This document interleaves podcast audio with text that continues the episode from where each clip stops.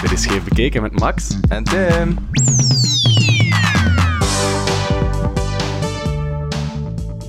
We hadden het al aangekondigd in onze vorige aflevering. Op de Nationale Feestdag lossen we het volledige interview met Jonas Holes. Jonas voert onderzoek naar de Belgische geschiedenis van homoseksualiteit en hij geeft ook les, maar dat kan hij zo meteen veel beter zelf uitleggen. We hadden het met hem over zijn carrière als onderzoeker, over onze eigen Belgische geschiedenis, wat die precies inhoudt en waarom het zo belangrijk is om die te kennen. Veel plezier ermee.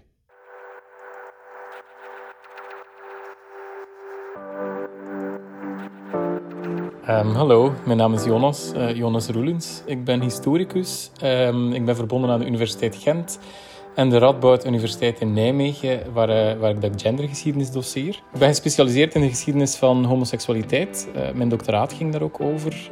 ik heb onderzoek gedaan naar de geschiedenis van sodomie, zoals dat toen heet, in de zuidelijke Nederlanden, dus dat is ongeveer België, van het jaar 1400 tot 1700. We hebben nu als, als thema van mhm. deze aflevering, of het cliché van deze aflevering, is homoseksualiteit is, is een westerse uitvinding of een recente uitvinding. Um, wat bedoelen ze daar precies mee? Dat is een beetje dubbel. Hè? Dus het feit dat ik al onderzoek doe uh, over de middeleeuwen bewijst dus enerzijds dat het absoluut geen recente uitvinding is, dat dat een heel lange geschiedenis heeft.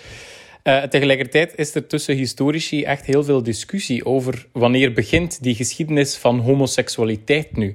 Want natuurlijk, homoseksualiteit, zoals wij uh, het onderling begrijpen en de samenleving in zijn geheel, is natuurlijk wel een heel recent begrip. Dat idee dat, we, dat je op iemand valt van hetzelfde uh geslacht, hetzelfde gender, dat dat een implicatie heeft op je identiteit, op je persoonlijkheid, op je individu. Dat is iets wat dat die middeleeuwers dat ik onderzocht um, niet zouden bevatten. Die hebben een heel andere visie op uh, geaardheid. Hè. Dat bestaat gewoon niet. Hè. Je deelt mensen niet op tussen hetero's en LGBT'ers. Dus men kijkt er anders naar. En historici uh, discussiëren daar dus over, van maar wanneer komt dat dan wel, hè, die, die identiteit en, en die moderne opvatting daarover. En uh, veel van die ideeën zijn eigenlijk nog altijd gebaseerd op Michel Foucault. Dat is een notoir moeilijke, begrijpbare filosoof, dus ik ga daar niet al te diep op in. Maar die mens zei dat uh, hoe dat wij het snappen, of hoe dat wij het opvatten, dat dat eigenlijk een 19e-eeuwse uitvinding is. Een, het moment dat men begint aan, aan uh, psychologie te doen, dat dat echt een wetenschap wordt, dat je seksuologie krijgt als onderzoekstak, dan is men uh, die identiteiten in categorieën gaan gieten en dan wordt dat echt een identiteit en niet een soort seksuele handeling.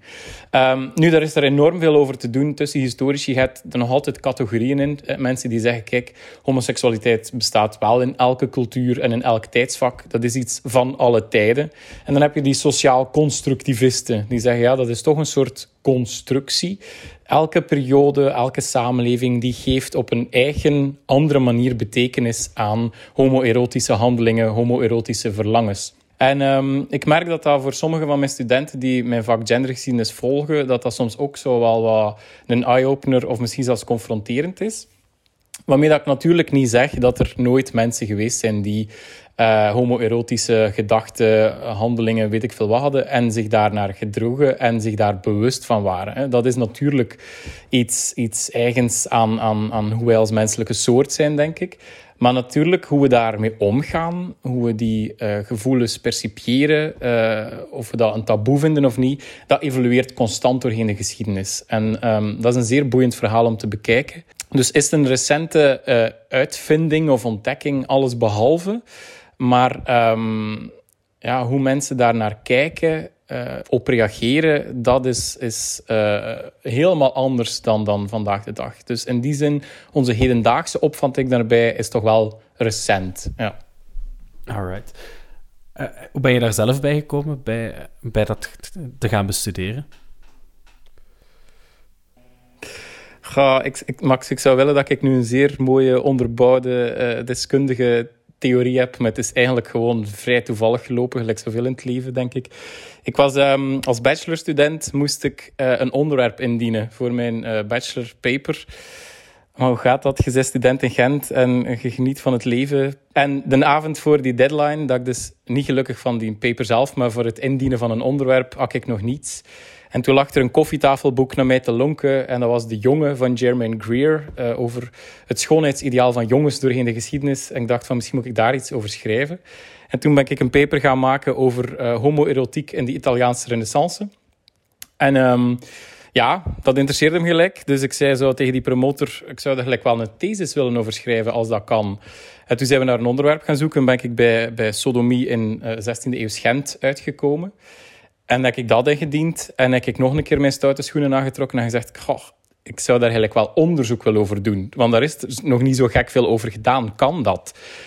Um, maar gelukkig was er toen toch net een post of een budget vrij en kon ik starten. Dus dat is eigenlijk het gevolg van uh, uitstelgedrag, denk ik, mijn onderzoek. Um, ja, stommelings op dat onderwerp uitgekomen en bedacht hoe interessant dat was. En hoe... Dat is wel, dat is wel relevant. Er was echt nog amper iets over verschenen. Um, voor die late middeleeuwen, voor die vroegmoderniteit, voor België dan.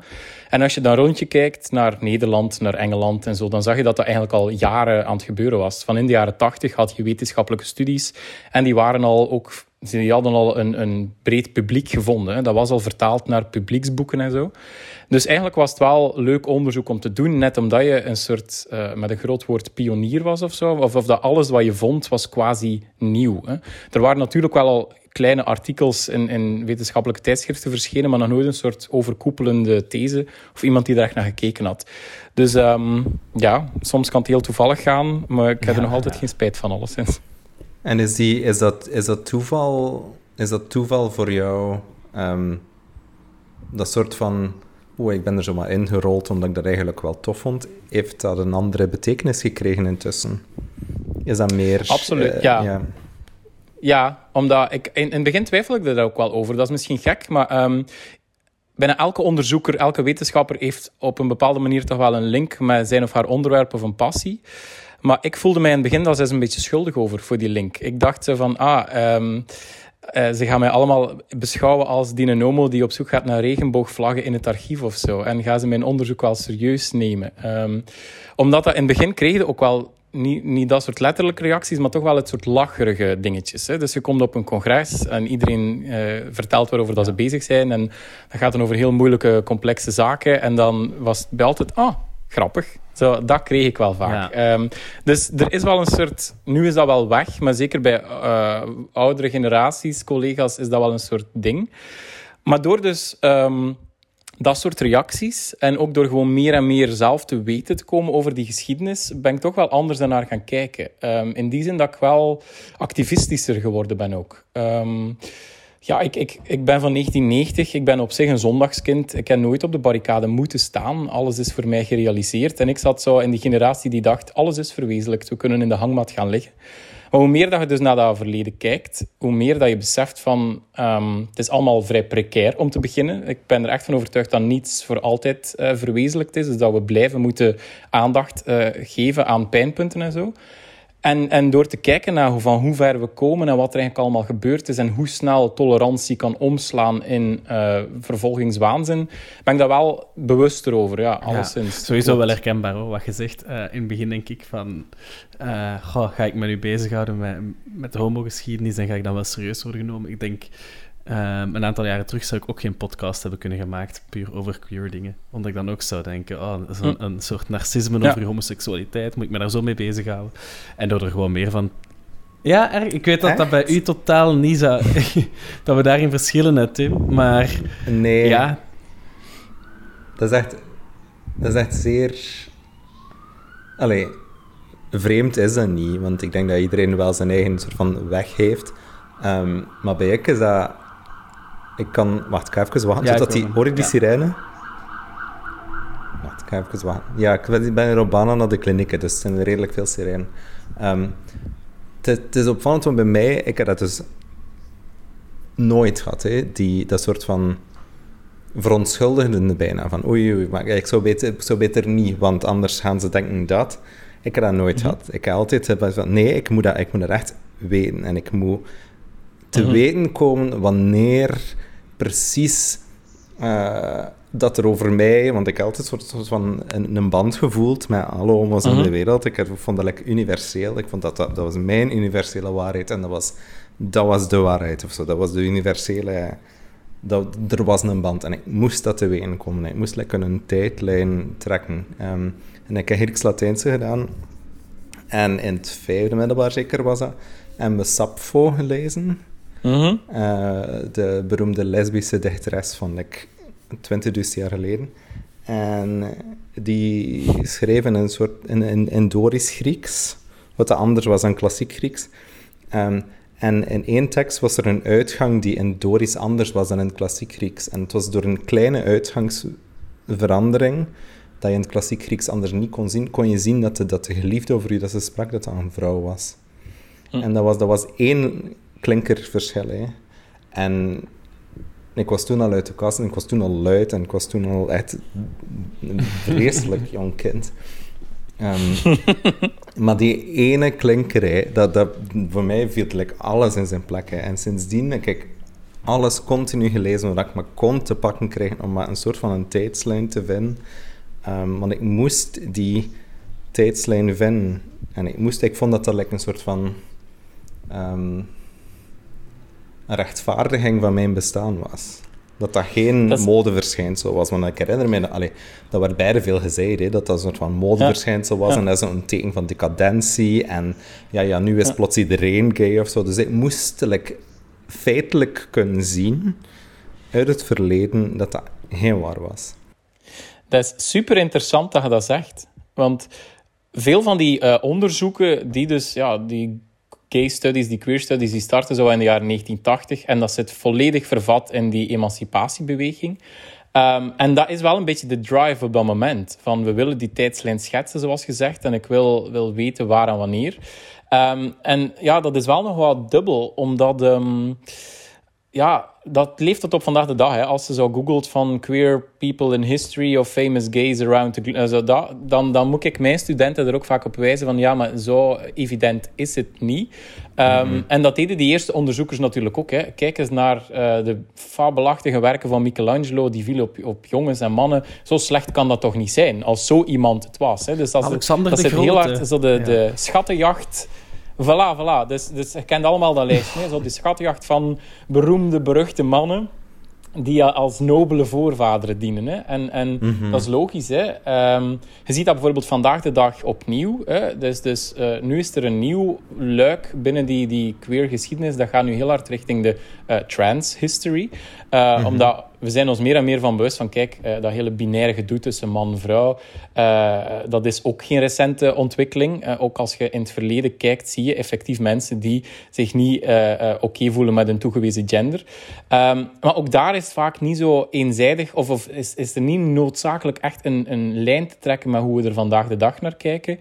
En ook daar vind je dan, dan in het jargon wat men dan transcestors noemt. En ook daar moet je dan studenten soms op wijzen van... Um, dat is, ik, ik vind dat soms dubbel, want ik wil die mensen natuurlijk niet hun emanciperende kracht ontnemen of zo. Maar ja, is, geschiedenis is, is bijzonder complex en moeilijk. En ja, er is binnen, die, binnen dat veld nog altijd vrij veel discussie over. Maar um, ja, dat is super interessant dat je dat zegt, hem. En dus die... Uh, dat, en dat, dat, die, dat gedicht, werd dat dan effectief gelezen als het is een uh, homoerotische tekst? Of werd dan de toch klassiekere uh, variant besproken met de andere uitgang? Of hoe ging dat dan? Nee, dat was, ik kan een vrij toffe leraar, meneer De Marke. Ja. En, maar ja, we zaten ja. met drie in Grieks. Hè. Dat was, was twee meisjes en ik. Dus ik, ik nam de conversatie ook over. Dat, was, dat hangt dan over een lijst en het moest over een lijst gaan. Dus dat was, was, ja, ja. er was geen discussie over. En ook niet bij de leerkracht hoor. Dat was, en ik heb hier vertaling liggen daarvan. Um, en nee, ah, ja, maar pas op, alles over lezen je hebt zo die, die film Maurice uh, met, met Hugh Grant als het homopersonage. En ze zitten mm -hmm. in Oxford of Cambridge, ik weet het niet. Maar plots gaan ze, mm -hmm. dus zijn ze een tekst aan het lezen en moeten ze dan wel een paar bladzijden overslaan. Omdat het dan ja, plots zo die richting uitgaat. Mm -hmm. Dus het is wel leuk dat je in het middelbaar niet, um, niet dat soort preutse behandeling van dat soort well, ja, ik, ik, ik, ik ben misschien uit West-Vlaanderen in twee jaren, maar niet uit like, de 19e eeuw uit Oxford.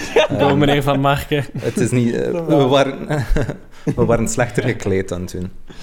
Ja, ja. Zeg maar, Jonas, uh, belangrijk ook. Um, je zegt dat er nog niet heel veel geweten was over. Uh, allee, nog niet veel onderzoek naar de Belgische geschiedenis. Uh, hoe, hoe komt dat volgens jou? Mm -hmm.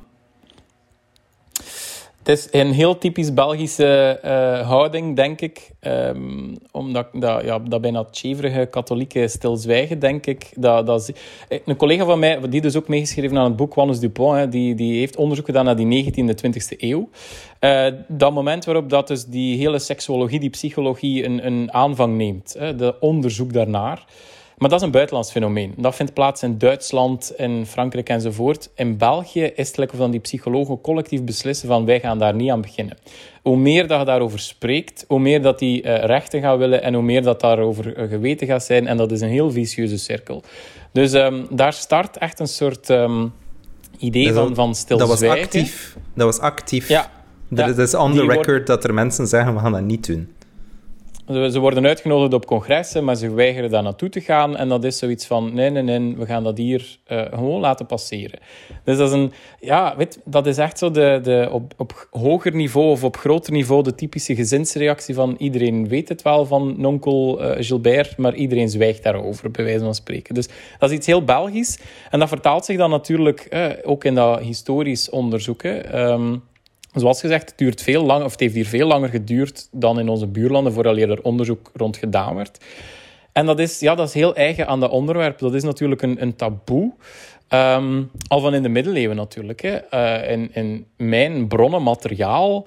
Eh, kijk, echt, ik heb moeten zoeken naar teksten die daarover gingen. Want ik heb dus veel, heel veel juridisch materiaal gebruikt.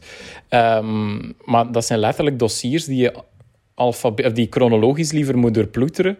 Uh, en dat is heel frustrerend om te zien dat een diefstal van een banale van een kilo wol of zo, bij wijze van spreken, dat dat bladzijde lang doorgaat. En dan kom je bij een melding, uh, we hebben persoon X verbrand op die datum wegens sodomie. Punt. Hop, naar de volgende zaak. En zelfs in dat soort juridische dossiers is het echt een, een ding waar je niet over spreekt. En um, men noemt het ook de stomme zonde, het crimen nefandum, je babbelt er niet over. Uh, bijbelse of, of, theologische teksten die zeggen echt zingen, dingen als... Um, ik ga het er hier nu kort over hebben, maar herhaal dat vooral niet thuis, uh, want uw tong gaat uitvallen, de lucht zal gecorrumpeerd worden. Dus dat taboe is gigantisch aanwezig. En um, dat is een beetje gek natuurlijk, want Enerzijds is het een gigantisch taboe, anderzijds gaat men dat wel heel publiekelijk bestraffen. Hè? Dat afschrikwekkende karakter ondersteunen. Dus aan de stadspoort voor iedereen die binnenkomt, iemand op de brandstapel zetten of op een publiek plein in de stad. Hè? Het hele law and order sfeertje. Dus dat is een beetje een paradox van enerzijds moet er over gezwegen worden, anderzijds wordt het heel publiekelijk bestraft. En gaandeweg gaat men zelfs ja, bijvoorbeeld. Ja. Maar gaandeweg gaan we zelfs daarvan afstappen. In de 18e eeuw bijvoorbeeld gaan ze mensen stiekem in de gevangenis ophangen of s'nachts dumpen over de grens. Het is dan iemand anders zijn probleem. Dus dat stilzwijgende, dat is iets typisch Belgisch, dat het toch ja, dat een heel lange voorgeschiedenis heeft. En hier en daar heb je dan, zoals je zegt, uitsmijters zoals Brugge, die dan... Um, ja, uh, alles op alles zetten om dat dan uit te roeien, als het ware. Uh, uh, en dat is ja, nu zitten we zo 15e, 16e eeuw. Dus, dus uh, een beetje in de periode van de Bourgondiërs, hè, dat Bart van Loo populair gemaakt heeft. Dat is wat dat tijdsvak. En Brugge is dan ja, een supergrote stad, uh, heel rijk, heel welvarend, populair bij buitenlandse handelaars. En we associëren dat meestal met dat soort dingen. Hè. Jan van Eyck en, en, en de Brugse Markt en de Burg, et cetera. Maar tegelijkertijd is dat wel de stad die als geen ander sodomieten verbrandt. Nergens in West-Europa uh, uh, halen we dergelijke uh, cijfers. als je kijkt naar, naar, Amsterdam, naar Londen, Parijs, dat is quasi onbestaande. Heel uitzonderlijk. En in Brugge is dat bijna systematisch. Um, en ze staan er dus ook voor gekend. Hè. In andere steden... Um, Gentenaars bijvoorbeeld, die, die scheld je uit voor stroppendragers. Iets wat dat op vandaag de dag gebeurt. Bruggelingen, die noem je buggers. En bugger, dat is een populair scheldwoord voor sodomiet.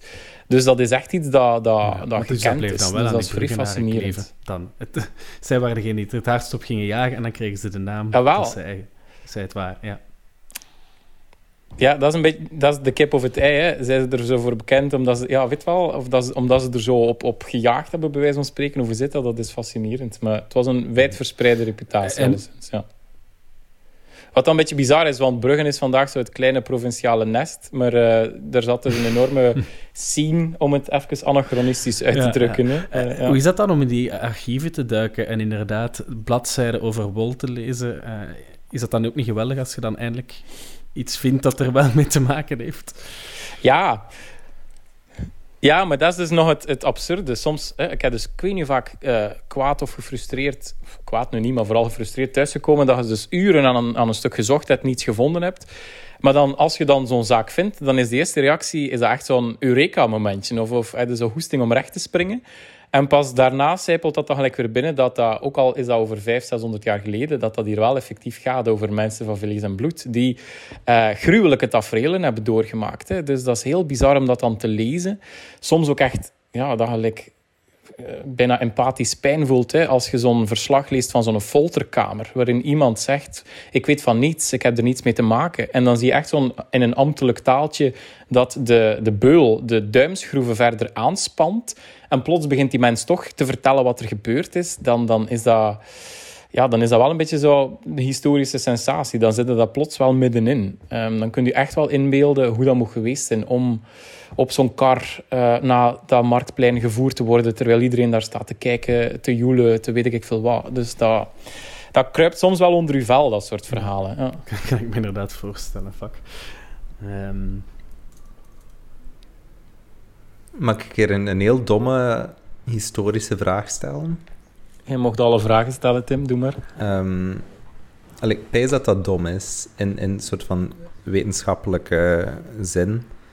Um, Wat is de relevantie van uw onderzoek voor mij en jij en Max bijvoorbeeld, of voor de kijkers, voor Kijkend Vlaanderen?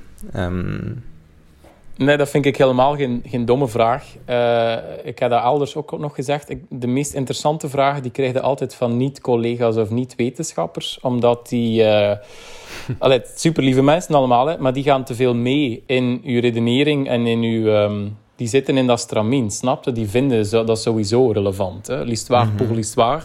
Mhm. Maar waarom? Hè? En ik vind het een heel interessante vraag, omdat ik ze dus zelf in het begin van mijn carrière, of carrière, uh, ook super vaak aan mezelf stelde. Hè? Super vaak zat ik op mijn fiets naar huis en dacht ik, maar voor wie of wat doe ik dat hier eigenlijk? Dat cliché mm -hmm. van de Ivoren Toren. Um, en geleidelijk aan heb ik dan toch gelijk ontdekt dat, daar wel, dat er wel een zekere relevantie in zit.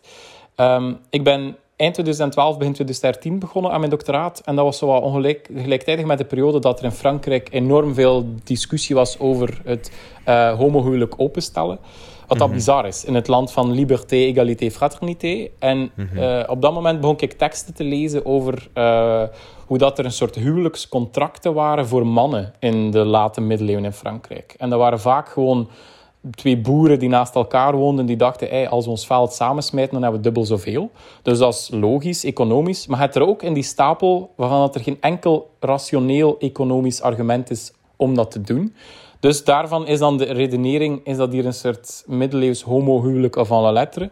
En toen heb ik daar zo'n opiniestukje over geschreven voor de krant. En toen dacht ik voor het eerst, ah ja, maar die kennis over dat verleden kan soms wel echt van die aannames nuanceren of, of um, ja, gewoon uh, die bunken. Hè. Het, het, hele idee van dat is hier een, een rage of iets nieuws.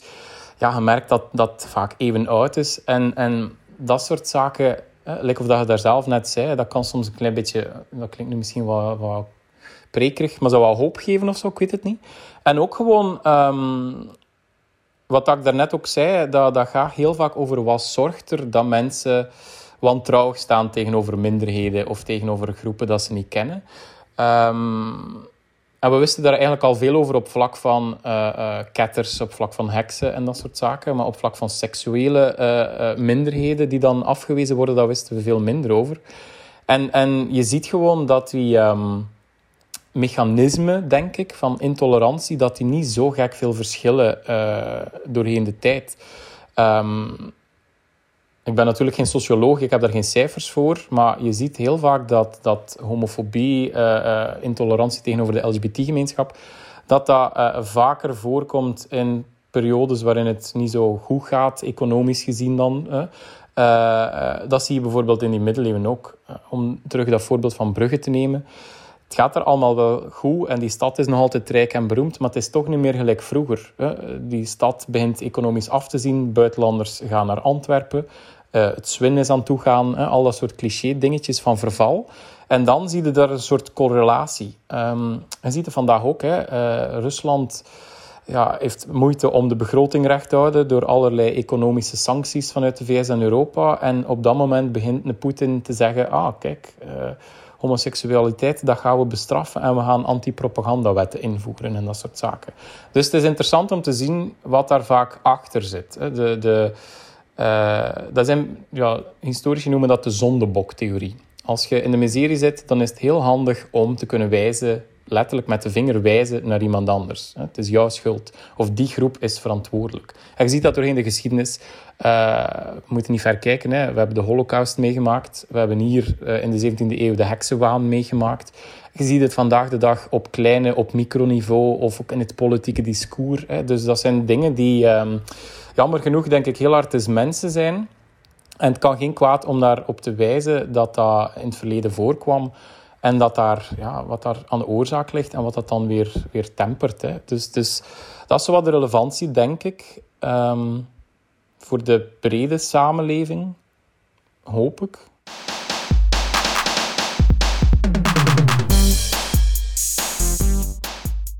Nee, wat ik nog wilde vragen, omdat je het hebt over die typisch Belgische mentaliteit van erover te zwijgen, zijn er manieren waarop dat je dat vandaag ziet doorleven?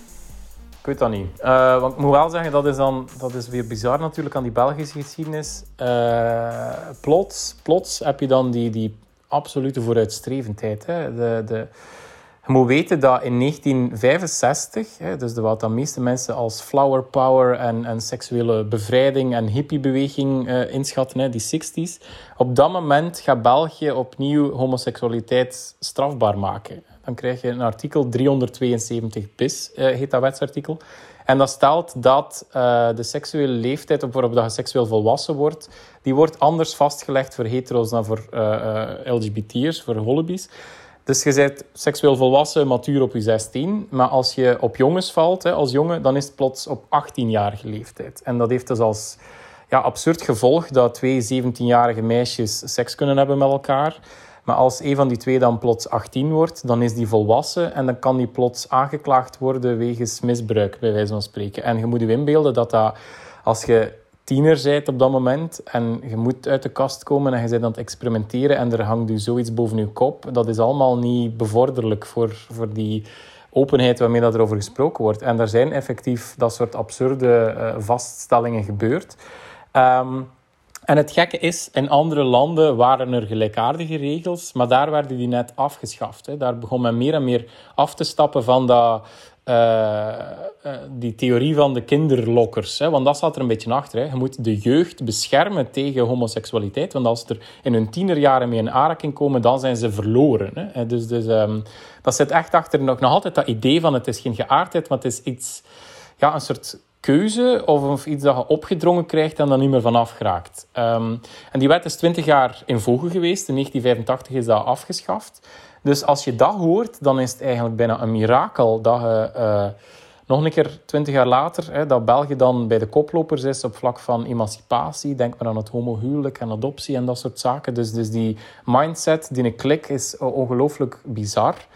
Um, we zouden natuurlijk ook uh, uh, wat pragmatisch kunnen naar kijken. Uh, er wordt wel vaak gezegd dat de, de regering Verhofstadt, die dat ingevoerd heeft, dat dat eigenlijk ook meer kwansuis of per ongeluk gebeurd is dan dat er een soort vooropgesteld plan was. het idee van ja, de begroting uh, ligt er op zijn gat. We zitten met gigantische tekorten. Wat kunnen we doen dat gratis is? En dat soort uh, wetsvoorstellen indienen, dat kost geen geld natuurlijk. Beetje het, beetje het omgekeerde van Poetin dan. Ja, ik wou net zeggen. Ja, een beetje ja. het omgekeerde eigenlijk. Ja, ja, ja. Gelukkig Altijd goed is, om het volk af te ik leiden. Ik zou Verhofstadt en Poetin niet op, uh, op één lijn plaatsen. Maar... Genoteerd. ja. De LGBT-ster afleiding-theorie. Ja, ja. ja.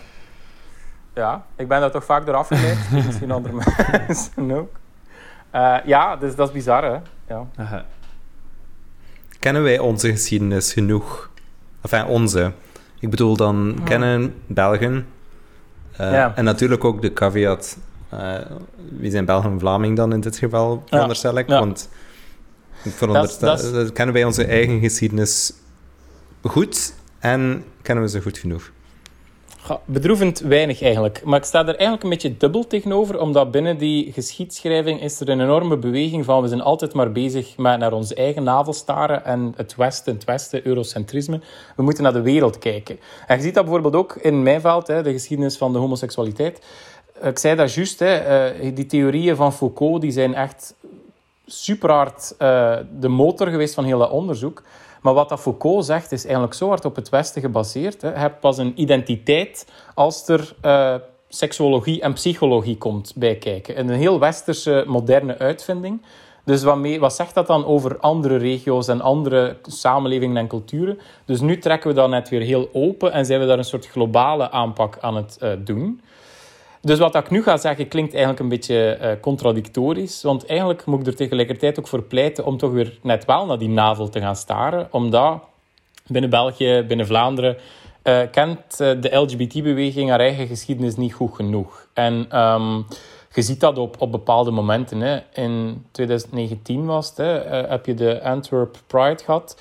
En die had als thema Riot. En dat is een letterlijke referentie naar de Stonewall Riots van 69 dus een uh, opstand, verzet in New York tegen uh, agressie tegenover LGBT'ers door de politie. En dat wordt wereldwijd gevierd, gelauwerd als het begin van de Holibi-emancipatie. Maar eigenlijk is dat, is dat een beetje kwatsch, omdat um, ja, er zijn voordien al heel wat protesten gebeurd, heel wat emancipatorische bewegingen opgestart. Zeker niet ten eerste in Amerika. Veel van die bewegingen keken net naar Europa als voorbeeld.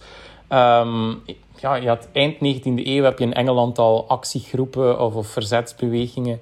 Nederland is ook een goed voorbeeld. Hè. Die hadden in, in, uh, nog voor de Eerste Wereldoorlog al een, een uh, beweging, echt, hè, een organisatie.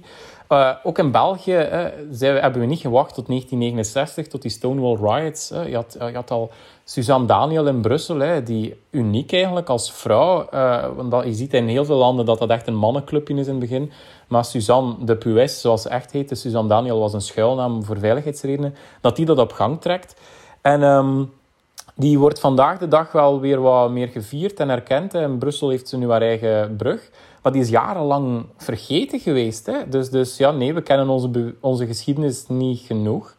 En je merkt dat in, in uh, de populaire cultuur, in, in de, de, hoe dat, dat gepercipieerd wordt, gerepresenteerd wordt. We grijpen heel vaak terug naar dat heel sterk Amerikaanse model. En dat is toch ja, dan weer die kracht van die Amerikaanse cultuur. En wat dan een beetje jammer is, want we hebben een heel boeiende eigen geschiedenis. En uh, ik pleit hier zeker niet voor eigen geschiedenis eerst of zo, maar het kan echt geen kwaad om te kijken waar we vandaan komen. Um, omdat, ja, dat versterkt net dat hele idee van het is een recente ontdekking. Hè? Het heeft mhm. geen geschiedenis, het, ge het, heeft geen verleden. Het heeft mm -hmm. dat wel. We moeten het gewoon ja, verspreiden, onderzoeken, daarover babbelen, zoals jullie nu doen. Uh, proficiat. maar dus, uh, het, het nee, is ja, een ja, van onze dus... motivaties ook om dit te doen. Hè? Uh, het feit mm -hmm. om een eigen soort ja, Belgische discours op gang te krijgen. En, en... Ja, maar extreem belangrijk, denk ik. Ja. Mm -hmm. en, maar is die, is die geschiedenis dan ook zo... Allee, natuurlijk, in, in de Amerikaanse context is volledig anders dan, dan een Belgische context. Um, maar zijn de grote lijnen ongeveer hetzelfde? Of, of is er echt... Allee, ik, ik weet niet, is, is er bijvoorbeeld in België een Stonewall geweest? Of, of iets gelijkaardigs? Of, of werd dat, was dat gewoon... Was dat niet zo systematisch als, als, wat er, als toen er gebeurde in New York of LA in, in de jaren 50 en 60? Was er een gelijkaardige beweging? Ja, ja, maar het is moeilijker om daar één kantelpunt op te plakken. Ja. En in die zin is, is Stonewall misschien ook niet het kantelpunt dat ervan gemaakt is. Ja. Uh, nogmaals, ze zitten in, in de jaren 60, uh, die niet enkel seksuele bevrijding is, maar die ook uh, rassenoorlogen zijn en, en de Vietnambeweging en zo. En de Amerikaanse pers is daar toen heel hard op die ene ruil gesprongen. Dus dat is zo wel wat de kracht van de media en de pers. En dus dat maakt dat het voor België niet zo evident is om één moment te pakken. Maar um, je hebt wel, hebt wel echt hebt wel marsen. Hè. Je hebt, hebt uh, roze marsen en zo gehad in, in, in de jaren zeventig bijvoorbeeld. Hè, uh, uh, die toch wel wat teweeg gebracht hebben. Het punt is, en dat is eigenlijk wel wat typisch aan veel van die bewegingen, dat die in het begin gewoon niet zo goed weten wat is de beste of meest efficiënte manier om ons doel te realiseren. Je hebt ja, heel veel maatschappelijke visies komen daarin samen. Hè. Wat, Ten eerste, wat is het doel en, en hoe bereiken je... Dus je hebt, hebt de, de, de klik die zegt van kijk, als we nu maar zoveel mogelijk dat heteronormatieve model gaan aanhangen, huisje, tuintje, kindje, dan gaan, de, dan gaan mensen ons aanvaarden. Want we moeten gewoon op hen lijken. Dus we gaan zeker niet provoceren. We gaan heel braaf achterkamertjes politiek. En dat is de, de snelste weg naar succes. Terwijl je een andere stroming, even legitiem, die zegt: waarom zouden wij in godsnaam moeten conformeren? We gaan net wel provoceren. Mensen moeten maar.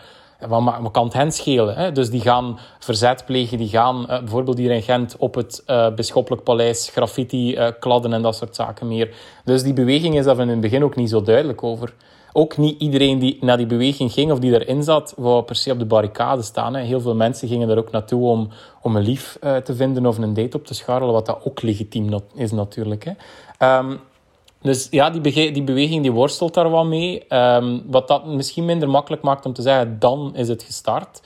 Um, dat zeg ik er wel allemaal bij, dat ik in die periode ook niet zo gespecialiseerd ben. Hè. Ik, ik hou mij bij die middeleeuwen, er zijn mensen die daar meer over weten dan mij.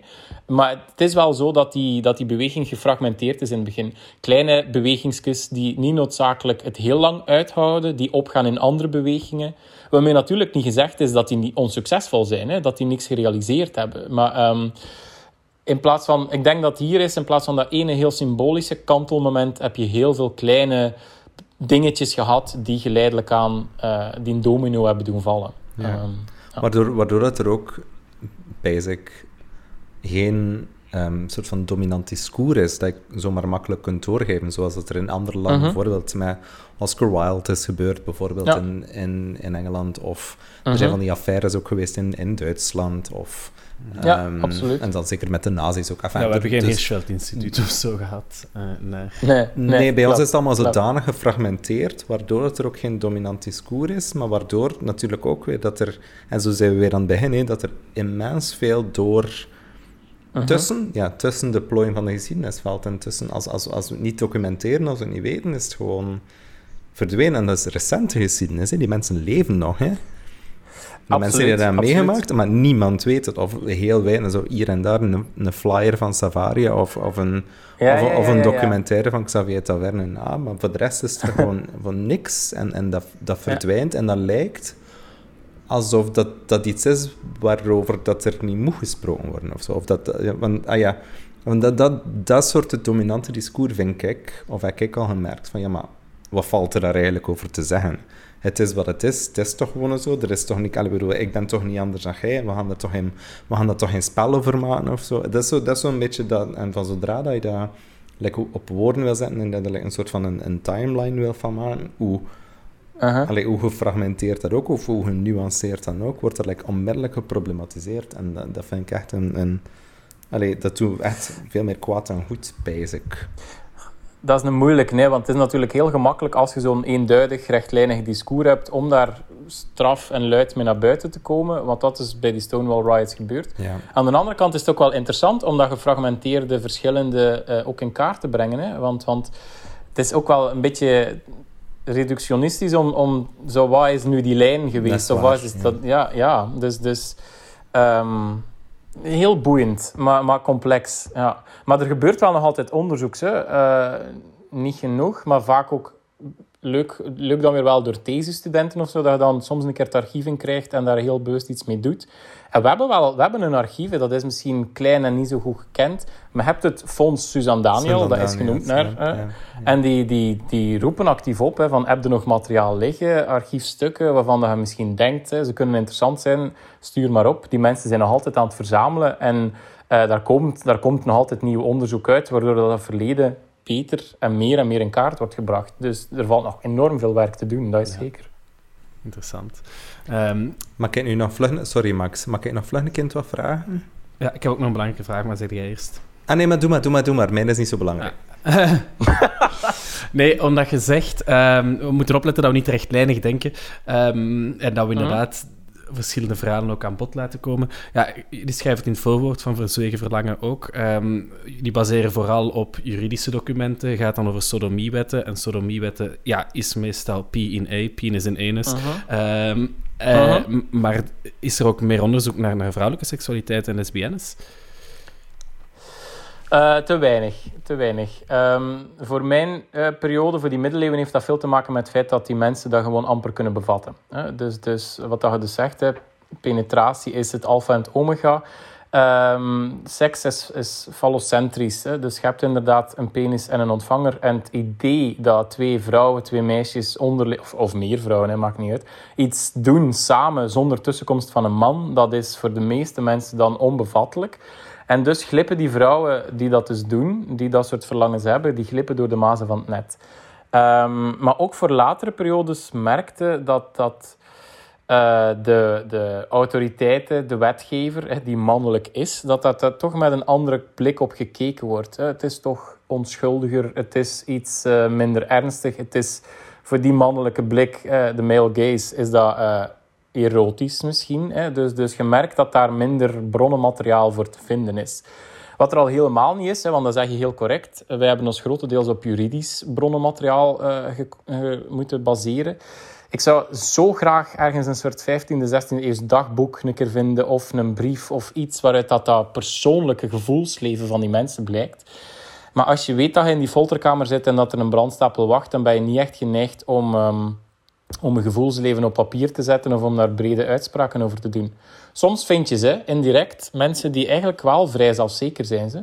Toevallig dan, of, of misschien frappant, twee vrouwen dat ik in de 17e eeuw uh, tegenkwam in Brugge, die echt dingen zeggen als... Uh, ja, ik val op vrouwen en ik weet dat eigenlijk al van mijn 12 jaar of zo. En um, ik ben wel getrouwd geweest, maar ik zou van zijn leven geen man meer hebben. Ik wil... Uh, ik wil vrouwen en uh, ik ben er ook goed in, want veel vrouwen komen mij vragen van hoe zit het hier? Ik heb gehoord dat het, dat het zo fijn is bij jou. En dus dat vind ik wel straf dat je dat soort uitspraken doet. Um, waar vind je ja, dat dan? Dat heeft natuurlijk... Ook, dat zit ook in die juridische dossiers. Dus dat is zo straf dat die vrouw, ook al zit ze daar opgepakt, dat die daar like, zo wat... Wie doet me wat? Hè, attitude. Ja. Um, Heel bijzonder. Dus die kunnen opnemen in de Badass Dykes of History uh, lijstjes. voilà, voilà. Uh, ja. Zijn er culturele bronnen? Want ik weet bijvoorbeeld dat er in de Bijbel staat er met David en Jonathan wordt er zo heel mhm. veel over gediscuteerd van was dat nu en zo homosociologie van ah ja, maar toen was de omgang tussen twee mannen onderling of tussen twee vrouwen onderling gewoon anders gepercipieerd dan nu. En zijn er, zijn er cultureel, like Hadeweg bijvoorbeeld, die echt extreem erotische... Zijn, zijn er zo'n ja, homoerotische culturele bronnen beschikbaar? Die zijn er zeker, hè. Uh, iemand die je misschien ook een keer moet uitnodigen is een collega van de UGent bij mij, Stijn Praat. Die uh, heeft nu net een dichtbundel uit. Een soort hertaling van homoerotische middeleeuwse poëzie. Dus die dingen zijn er. Hè. Um, ook in de beeldende kunst zelfs. Je zou denken van dat soort taboes wordt niet uitgebeeld. Maar je hebt uh, die klassieke mythologische verhalen, die bulken van jongens en mannen die het met elkaar doen. En in de renaissance wordt dat natuurlijk weer uh, opgepikt. En dan krijg je dingen als, als Zeus en Ganymedes is een klassieker. Zeus wordt verliefd op mooie jonge knaap, ontvoert hem uh, naar de Olympusberg. En je ziet dat uitgebeeld in schilderijen. En dan, dan zijn daar omhelzingen en dat soort zaken waarvan dat dan je afvraagt, hoe werd dat dan weer uitgelegd? Mm -hmm. dat, ja, dat wordt dan heel platonisch uitgelegd. Hè. Uh, die Ganymedes is dan eigenlijk iemand die het wereldse net afzweert en enkel naar het goddelijke kijkt en daardoor opgenomen wordt. In de... Weet wel, ze geven er altijd een draai aan. Maar toch is dat dan een manier om, om schoonheid, om, om erotiek uit te beelden. Hè? Dus ja, tuurlijk heb je die. En je hebt inderdaad heel wat verhalen uh, die, die zo geïnterpreteerd worden. De vraag blijft natuurlijk, zijn we nu niet in een soort slingerbeweging en zijn we, hebben we niet de neiging om dat soort dingen extreem te gaan queeren? Dat blijft, dat blijft een afweging en een moeilijkheid in ons veld. Maar sowieso um, heb je genoeg materiaal waarvan dat je redelijkerwijs kunt aannemen van ook in die tijd was dat hier toch pikant materiaal. Mm -hmm. ja. ja, mijn, mijn vraag was... Um, was Guido Gezellen een homo? uh, ik zeg van wel. mening. die avond en die roze, dat is echt... Dat, gaat, allee, dat is toch zo van die... De enige Ik, ik kan me juist zeggen dat ik in het middelbaar het dezelfde reactie had gelijk jij met, met Safo. Toen dat ik dat las uh, op mijn schoolbank, dacht ik toch ook Ja, van... ja, ach, ja. ach, ja. Dus ehm, misschien is dat genoeg. Ja, Ja. weet wel. Onze leerkracht En Nederlands hij is weggestuurd van Roeselaar, Dat zal wel een homo zijn geweest, jongens. Je mocht ervan op aan. Ik het wel. Je is weggestuurd van hè, naar Brugge. Of was het naar Kortrijk Naar eerst? Buggers. Ik weet het niet. Nee, mijn, mijn, een- mijn, mijn enige vraag, mijn andere, mijn echte vraag was eigenlijk of dat hij... Er, er, er is een co-auteur, maar met zijn naam vergeten, in uh, Verzwegen Verlangen, die het over Brussel had. In de, Ja. Of het over eh, in de 19e eeuw. En toen ik hem toen, want ik heb daar een artikel voor geschreven voor Brus. En toen ik hem daarover belde, eh, zei hij dat hij in de VS zat om onderzoek te doen naar de Lavender Scare. eh, naar Mhm. dus, dus post Wereldoorlog 2. En ik vroeg me af of dat er daar iets van uit is gekomen, of dat hij daar nog altijd mee bezig is, of dat er daar eigenlijk, of dat hij dat weet, of dat er daar nog iets van zit aan te komen, publicatiegewijs.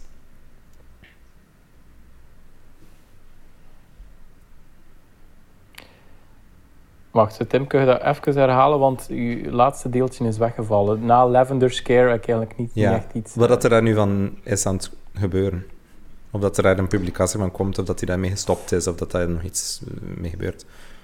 Nee, nee, Wannes zit in, in Singapore. Eh, Yale University heeft daar blijkbaar een campus. Eh, Oké. Die is daar professor geworden. Maar hij doet wel nog altijd onderzoek naar dat soort dingen. Eh, maar ja, dat is het punt. Hè. Dat, is weer dat is dan ja, wetenschap zeker. Daar zijn inderdaad al een paar publicaties, artikels over verschenen. Maar dat zit dan weg in academische tijdschriften achter paywalls en dat soort zaken. Ehm, en Wannes is nogthans vrij bezig met publiekscommunicatie. Maar in zijn contract staat er letterlijk dat hij zijn tijd niet mag verspillen aan Nederlandstalige dingetjes voor het brede publiek. Dat hij hardcore science moet doen. Dus eh, ja, ja, niet direct een opvolger voor Verzwegen Verlangen op dat vlak, eh, denk ik. Ja. Jammer. Misschien Maar je doet nog altijd een al off-the-record café Superboeiend. kunnen we doen misschien. Ja, ja. In Voilà. Singapore. Ja. Ehm, Hoe van nee. we waren trouwens, eh, een een team en ik bezig dat we ja, dat, dat niet-westerse perspectief ook in de podcast wel wouden belichten. Eh, Mhm. Kent jij toevallig iemand die daar in het Nederlands veel eh, kan over zeggen? En dan nog liefst bij voorkeur een vrouw of iemand met een, met een migratieachtergrond, dat we niet altijd met de ja, Ja. mannenpanels zitten. Dat, ja, ik snap het. Eh, historici niet direct. Ehm, ik ga er een keer moeten over nadenken. Ik ga hier voor de vuistweg geen antwoord, maar ik ga zeker nog een keer rondkijken. Maar, ehm, En witte mannelijke historici? Of ook niet? Wordt dat gewoon niet... We zeggen geen... ehm, In het Nederlands taalgebied nog niet te extreem eigenlijk. Nee. Eh, ja, dus Mhm. ik geef daar wel les over, omdat ik het belangrijk vind om dat, om dat mee te geven aan studenten. Maar om nu te zeggen dat je daar expert bent, is, is ook... Ik, ik hou ook maar gewoon na wat dat dan... eh, dus, dus ik zou een keer moeten kijken. Moet het per se een historicus zijn? Of, of, Niet noodzakelijk, eh, uh, iets zinnig erover kunnen zeggen en, en wel misschien het, ja, het historisch perspectief wel kunnen meegeven. Hè? Maar, mhm. Ja, eh, ja. Maar wel die dat wel breder inderdaad kunnen trekken en zeggen bijvoorbeeld ja, eh, over misschien al dan immigratiestromen, eh, hoe dat er in het Midden-Oosten naar werd gekeken, of hoe dat kolonialisme dan weer met een strengere seksuele moraal meegeeft. Of weet ik veel, hoe Mhm, dat je de mhm. regie, oh, ik weet niet hoe dat je het uitspreekt, maar de minderheidsgroep in India, die, die vaak wordt Mhm. gezien als trans, maar die je ook niet per se kunt zien als trans, die dat ook eens kan uitleggen van ja, we mogen dat ook niet ons westers non-binair perspectief zomaar op copy-pasten. Dat soort dingen vind ik wel interessant. Mhm. Ja, maar dat is hè. Eh, en eigenlijk enorm eh, cynisch bijna dat. Als, als je bijvoorbeeld kijkt naar vervolgingscijfers hier in onze regio, dan zijn migranten in die middeleeuwen een van de grootste slachtoffers. Waarom? Het idee is, bij ons kennen we dat niet. Hè? Dus weer dat Poetin-dingetje van als het al gebeurt, dan is het in het buitenland. En dan eh, in de geschiedenis dan merkte eigenlijk dat wij dat soort strenge eh, regelgeving, normen op, op gaan leggen. Zeker dan in die Victoriaanse periode, als dat eh, Britannia rules the waves. En die, die wetgeving daar, in veel van die landen, is nog altijd een soort erfenis van. Dus dat is wel fascinerend om dat eigenlijk om dat te zien. Ehm, Maar ja. Ja, dat is Ik heb, ik heb heel even... Nee, sorry, doe maar, doe maar. nee, misschien nog wel belangrijk om in het vorige verhaal op te nemen, eh, omdat we het nu hebben over ja, hoe dat in België was, dat het daar werd verzwegen, eh, dan later, jaren, vij- eh, jaren 60, een strafwet. Maar hoe was dat dan Mhm. in onze buurlanden, Nederland, Duitsland, Frankrijk? Ja, we moeten niet de hele geschiedenis... En wanneer, wanneer bedoel je? Ehm, En wanneer bedoel je? Of... laten we zeggen de, de afgelopen 200 jaar, want anders gaan we te ver. Eh, ja, België is toch een beetje een geval apart. Hè. Het moment dat ik zei van in die 18e eeuw België beslist om te zwijgen en alles geheim te houden, dan gaat Nederland ex- exact, het exact het tegenovergestelde gaan doen. Dan, en die daar plots een soort eh, vervolgingsgolf schieten die in paniek. Die ontdekken in Utrecht in 1730 een paar mannen die in de Doomkerk, nu niet de meest privé, eh, privéplek natuurlijk, maar die hadden in de kerk een soort eh eh, orgietje. En ehm, ja, die worden opgepakt, die beginnen wat namen te spuwen. En plots blijkt dat het niet enkel in Utrecht is, maar dat er ook in Amsterdam en in Leiden zitten. En dat idee leeft daarvan, oh, ondergronds netwerk die hier ons land aan het ondermijnen is. Want die Nederlanders die komen uit de Gouden Eeuw, hè, Amsterdam en de VOC en CNLA, dat is wat op zijn retour. En in die 18e eeuw, ook daar weer eh, zondebokmechanismen, maar die, die werken echt, echt rechters en rechtbanken die samenwerken tot in de kleinste provinciedorpjes om, om te vervolgen. Eh, dus die beginnen dan plots aan de publieke executies. Ehm, in Frankrijk zie je een beetje hetzelfde. Plots ook daar, 18e eeuw, er wordt enorm veel vervolgd. Maar die, ehm, die zien dat eigenlijk eerder als een soort sociaal probleem dat opgelost moet worden. Dus die gaan zo in, in de Jardin des Tuileries en, en bij het Louvre en al, gaan die zo wat politieagenten undercover sturen om mensen gewoon op te pakken. Dus ehm, die gaan dan niet meer echt executies doen, die gaan mensen in een bak zwieren en zo. Dus je ziet dat, er, dat ieder land toch een klein beetje zo zijn eigen manier heeft om daarmee om te gaan. Eh, eh, Engeland bijvoorbeeld laat het zo allemaal in het ongewisse en dan krijg je de bevolking die zich plots keihard gaan moeien. Dan krijg je zo eh, de Society for the Reformation of Manners, die zo heel hard bezig is met geen alcohol en geen, geen seks voor het huwelijk en ook zeker geen homoseksualiteit. Dus die beginnen zo plots zelf mensen op te pakken en op, de, op het schavot te zetten en, en eh, aan de politie over te dragen. Dus, dus ja, al, het is niet dat dat, dus, dat dat echt één uniforme geschiedenis heeft. Je ziet wel dat er, dat er regionale verschillen zijn in die aanpak. Ehm, en dat is gek. En zoals ik daarnet ook zei, ja, op het moment dat al die landen weer wat beginnen versoepelen in de 20e eeuw, na de Tweede Wereldoorlog, dan gaat België plots strenger worden. Dus het is, het is toch frappant om te zien hoe, die, hoe dat geen eh eengemaakte Europese gedachten is of zo. Dat is... Want België Ja. was daarvoor lang onder ja, Franse invloed en een, eh, de wetten van Napoleon. En daar was het niet strafbaar, toch? Als ik Mhm. het me goed herinner. Terwijl bijvoorbeeld Ja, in, in maar dat Duitsland is- was het wel strafbaar. Ja, maar dat is ook zo wat dubbel. Hè? Want bijvoorbeeld veel politici vandaag de dag die hebben de mond vol over de verlichting. En iedereen plakt daar dan iets anders op natuurlijk. Maar ehm, veel van die filosofen, gelijk Voltaire en Rousseau en al, dat waren niet de grote eh, LGBT-voorvechters. Die vonden dat nog altijd fout. Maar die vonden niet dat de kerk daar iets moest over zeggen. Dus het was niet langer een reli- religieuze zonde. Sodomie en dat bijbelse verhaal, dat moest er niet meer aan te pas komen. Maar het moest wel nog altijd eh, opgelost worden. Het was, dus het evolueert van religieuze zonde naar maatschappelijk probleem. Want eh, eh, twee mannen die seks hebben met elkaar, daar komen geen kinderen uit voort. En je wilt een sterke staat. Ehm, dus die, die verlichtingsfilosofen die, die, ehm, ja, die bekijken dat op die manier. En effectief, dat wordt officieel uit het strafwetboek gehaald. Eh, het wordt gedecriminaliseerd, zoals dat noemt. Maar eigenlijk in de praktijk heeft dat zelfs een, negatieve, eh, een negatief effect. Want de, wat gaat men doen? Men gaat een wet oprichten over de, eh, de schending van de openbare zedeschennis. En openbaar mag je heel ruim nemen, ook als je bijvoorbeeld in je eigen slaapkamer betrapt wordt, zij je openbaar bezig, want je bent betrapt. Je moest maar niet betrapt kunnen worden. En je ziet dat daardoor net veel meer mensen vervolgd worden. En ehm, dat vind ik ook een interessante, omdat dat heel mooi aantoont dat de wettelijke situatie niet noodzakelijk eh, een weerspiegeling is van de werkelijke situatie. Dus ook voor ons vandaag de dag, Ja. op papier is het allemaal oké. Eh, wettelijke bescherming en, en tolerantie en, en dit en hetgeen. Maar in de realiteit zie je dat die situatie daarom niet van de ene dag op de andere verandert, omdat er een wet ondertekend wordt. Hè. En eh, dat zie je bijvoorbeeld in die periode ook sodomie, homoseksualiteit hè, wordt gedecriminaliseerd, maar in feite verandert er voor die mensen heel weinig. Men vindt een andere manier om ze uh, te pakken, als het ware. Mhm. Is er dan eigenlijk iets veranderd? Amai, zo triestig.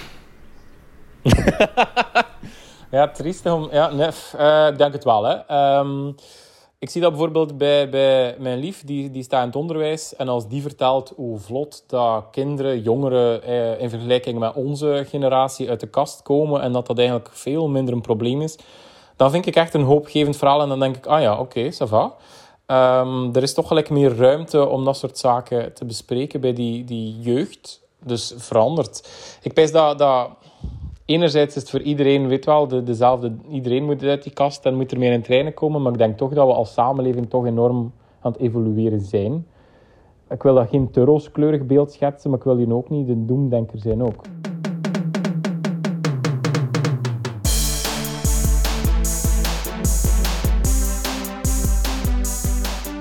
En voilà, de microfoon van Jonas leek wel uit zichzelf te beslissen dat onze tijd erop zat. Geen idee wat daar aan de hand was. Maar als je meer wil weten over onze Belgische LGBTQ-geschiedenis, check dan zeker het boek Verzwegen Verlangen, waaraan Jonas ook meeschreef. Tim en ik, wij gaan nu genieten van onze zomer met twee prikken in de arm. En we hopen dat jullie hetzelfde zullen doen. Geniet van de Nationale Feestdag en nog veel meer van de zomer. Tot de volgende.